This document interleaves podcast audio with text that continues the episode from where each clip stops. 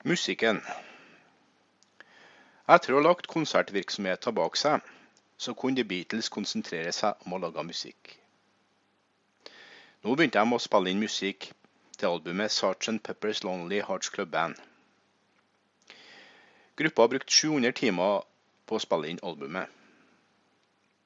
De eksperimenterte mye under innspillinga, og de tok i bruk også et 40-manns orkester under innspillinga. Albumet ble sluppet i mai 1967, og det fikk strålende kritikker verden over.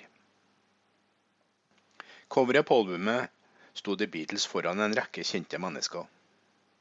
På baksida av coveret sto tekstene på plata trykt. Ungdom over hele verden leste disse tekstene med stor interesse. Sgt. Pepper kom til å toppe de britiske topplistene i 23 uker, og albumet ble solgt i 23 millioner eksemplarer. Etter innspillinga av Sgt. Peppers Lonely Hearts Club Band spilte Beatles inn to filmer. Det var Magical Mystery Tour, som var en film som varte i ei time, og Yellow Submarine, som var en animert film. I april 1967 begynte de å spille inn musikken til begge filmene. 25.6.1967 spilte Beatles inn All You Need Is Love for 350 millioner mennesker. Denne singelen ble en slags nasjonalsang for hippiene under kjærlighetens sommer i 1967. Sent i august møtte gruppa Maharishi Mahesh Yogi i London. De ble med han til India for å lære å meditere. Mens de var i India, fikk de beskjed om at Brian Epstein hadde tatt en overdose med et narkotisk stoff og dødd. Gruppa var knust, og medlemmene befant seg i fullstendig sjokk. Men de bestemte seg for å fortsette med å lage musikken til Magical Mystery Tour. Lydsporet til filmen kom ut i desember 1967 som en dommel EP. Albumet solgte bra.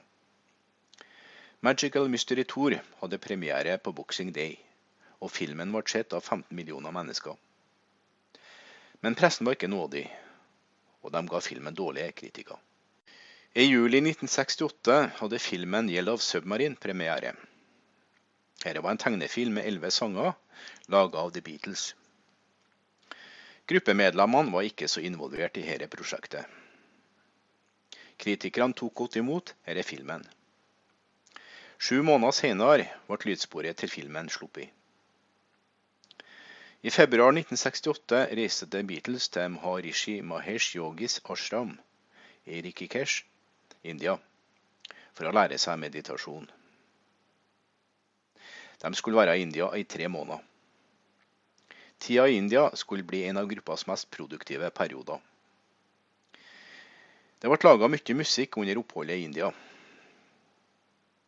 Melodier som skulle bli med på The Beatles' neste album. Ringo Starr dro tilbake til Storbritannia etter ti dager pga. magesmerter. Paul McCartney kjeda seg så mye at han forlot kurset etter en måned. Etter ei stund forlot også Lennon og Harrison kurset. De hadde gått seg på at yogien prøvde å manipulere dem. I mai dro Lennon og McCartney til New York for å lansere det nye selskapet som gruppa hadde starta, Apple Corps. Selskapet ble dannet pga. skattemessige årsaker. Apple Corps starta på med en rekke tapsbringende prosjekter ledet av venner av bandet. Fra mai til oktober 1968 starta bandet innspillinga av albumet The Beatles The White Album. Dette albumet mangla cover, derav tittelen. Dette var et dobbeltalbum. Spenninga mellom medlemmene begynte å øke. Ringo Starr forlot The Beatles i to uker. Han var forbanna. Det var McCartney som tok over trommestikkene. Lennon ville ikke lenger samarbeide med McCartney. Han mente at Paul lagde bestemorsmusikk. Stemninga ble heller ikke bedre da Lennon dro med seg kjæresten sin, Yoko Ono, inn i studioet. Dette var starten på slutten for The Beatles. Gruppa spilte en rekke musikkstiler på dette albumet. Medlemmene opptrådte mer som solister enn i ei gruppe under innspillinga. Hvert medlem prega hver sin sang. Albumet ble sluppet i november 1968. Plata skulle komme til å selge svært bra. Bare i USA ble den solgt i fire millioner eksemplarer. Tekstene ble analysert nøye, men kritikerne forsto seg ikke helt på innholdet. George Martin foreslo for Paul McCartney at The Beatles skulle lage musikken til et album, og at innspillinga skulle foregå live på en konsert. Og at begivenheten skulle filmes samtidig. Prosjektet fikk navnet Let It Be. Det skulle resultere i et fjernsynsprogram som varte ei time, og som skulle få tittelen The Beatles at Work. Michael Lindsay Hogg sto for filminga av både forberedelsene og konserten. Spenningene var merkbare under innspillinga. Harrison forlot det hele i fem dager i sinne. Forberedelsene til plateinnspillinga og konserten starta i januar 1969. I siste del av forberedelsene kom Billy Preston inn for å hjelpe gruppa. Bandet krangla om hvor de skulle holde konserten. Enden på visa ble at de skulle holde konserten på taket til Apple Studio i Savile Row i London 30.1.1969. Glyn Jones begynte å samle sammen opptakene fra konserten på taket, og for å skape et album ut av all musikken. The Beatles krangla også om hvem som skulle være manager for gruppa. Alan Klein fikk jobben. Dette var noe McCartney ikke likte. Han ville heller at Lee og John Eastman skulle få jobben. Paul McCartney spurte George Martin om han skulle lage enda et album. Martin var overraska. Han trodde det hele var over pga. all kranglinga på forrige album. 2.7.1969 begynte innspillinga. Lennon ville at McCartney og Lennon skulle stå for musikken på hver sin side av albumet. McCartney derimot ville ha enkeltmelodier på den ene sida og medleyer på den andre. 4.7 ble singelen 'Give Peace a Chance' gitt ut. 20.8.1969 var siste gangen The Beatles jobba sammen i studio. 20.9 annonserte John Lennon at han ville slutte i gruppa. 26.9.1969 ble albumet Abbey Road sluppet ut i platehyllene. Albumet solgte i fire millioner eksemplarer, og toppa platelistene i Storbritannia i 17 uker. Kritikken var blanda. 3.1.1970 ble Harrisons singel I Me Mine spilt inn. I mars ga 1970 Alan Klein amerikaneren Phil Spekter i oppdrag å remikse opptakene fra konsertene på taket av Abbey Road-studioene. Paul McCartney var ikke fornøyd med det endelige resultatet. 8. mai 1970 ble Let It Be-albumet sluppet. Singelen The Long and Winding Road var gruppas siste singel. Senere ble Let It Be dokumentaren vist på fjernsyn.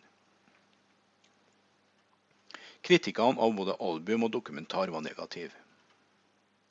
31.12.1970 ble The Beatles oppløst. Den formelle oppløsninga fant likevel ikke sted før i 1974 musikken.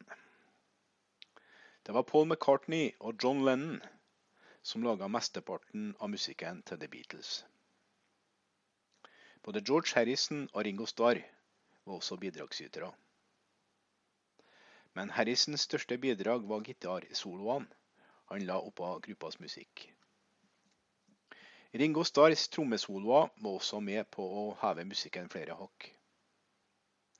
Det var amerikanske rockestjerner fra 1950-tallet som Elvis Presley, Carl Perkins, Little Richard, Chuck Berry, Buddy Holly, Eddie Cochran, Roy Orbison og The Everly Brothers som hadde stor påvirkningskraft på musikken til The Beatles. Elvis hadde enorm påvirkningskraft. Uten Elvis hadde det ikke blitt noe gruppe.